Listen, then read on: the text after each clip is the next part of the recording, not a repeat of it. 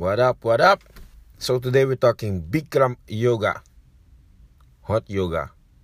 Like some of you guys know it. Okay, so for Bikram Hot Yoga, a really good tip for new people is yes, the room is hot and that can be overwhelming for new people, but try to remember that the heat is actually there to help you.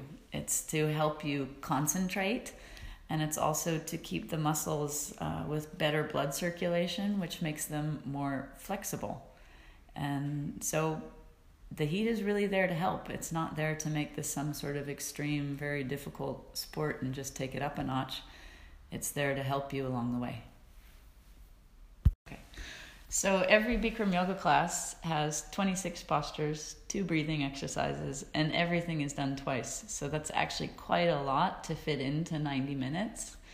But what is a really good tip to remember as a beginner, even as an experienced practitioner, is that you really go at your own pace. Uh, the teacher's never going to force you to go faster.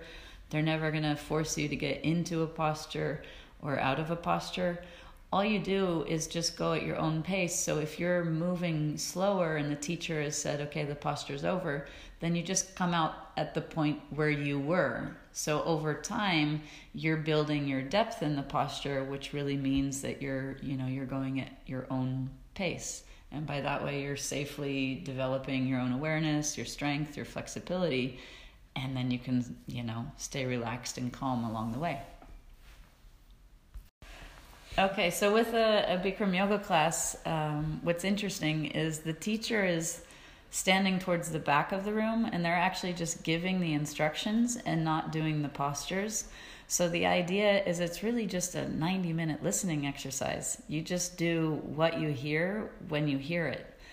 And therefore, for the first few classes, it's good to stand towards the back of the room so you're closer to the teacher and then also you, that way you have people in front of you and to the sides as examples.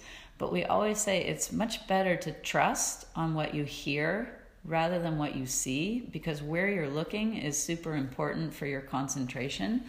And when your concentration is good then your breathing stays more relaxed and you just feel better. So you just let those instructions come in and it's like your soundtrack for the class that moves you through the postures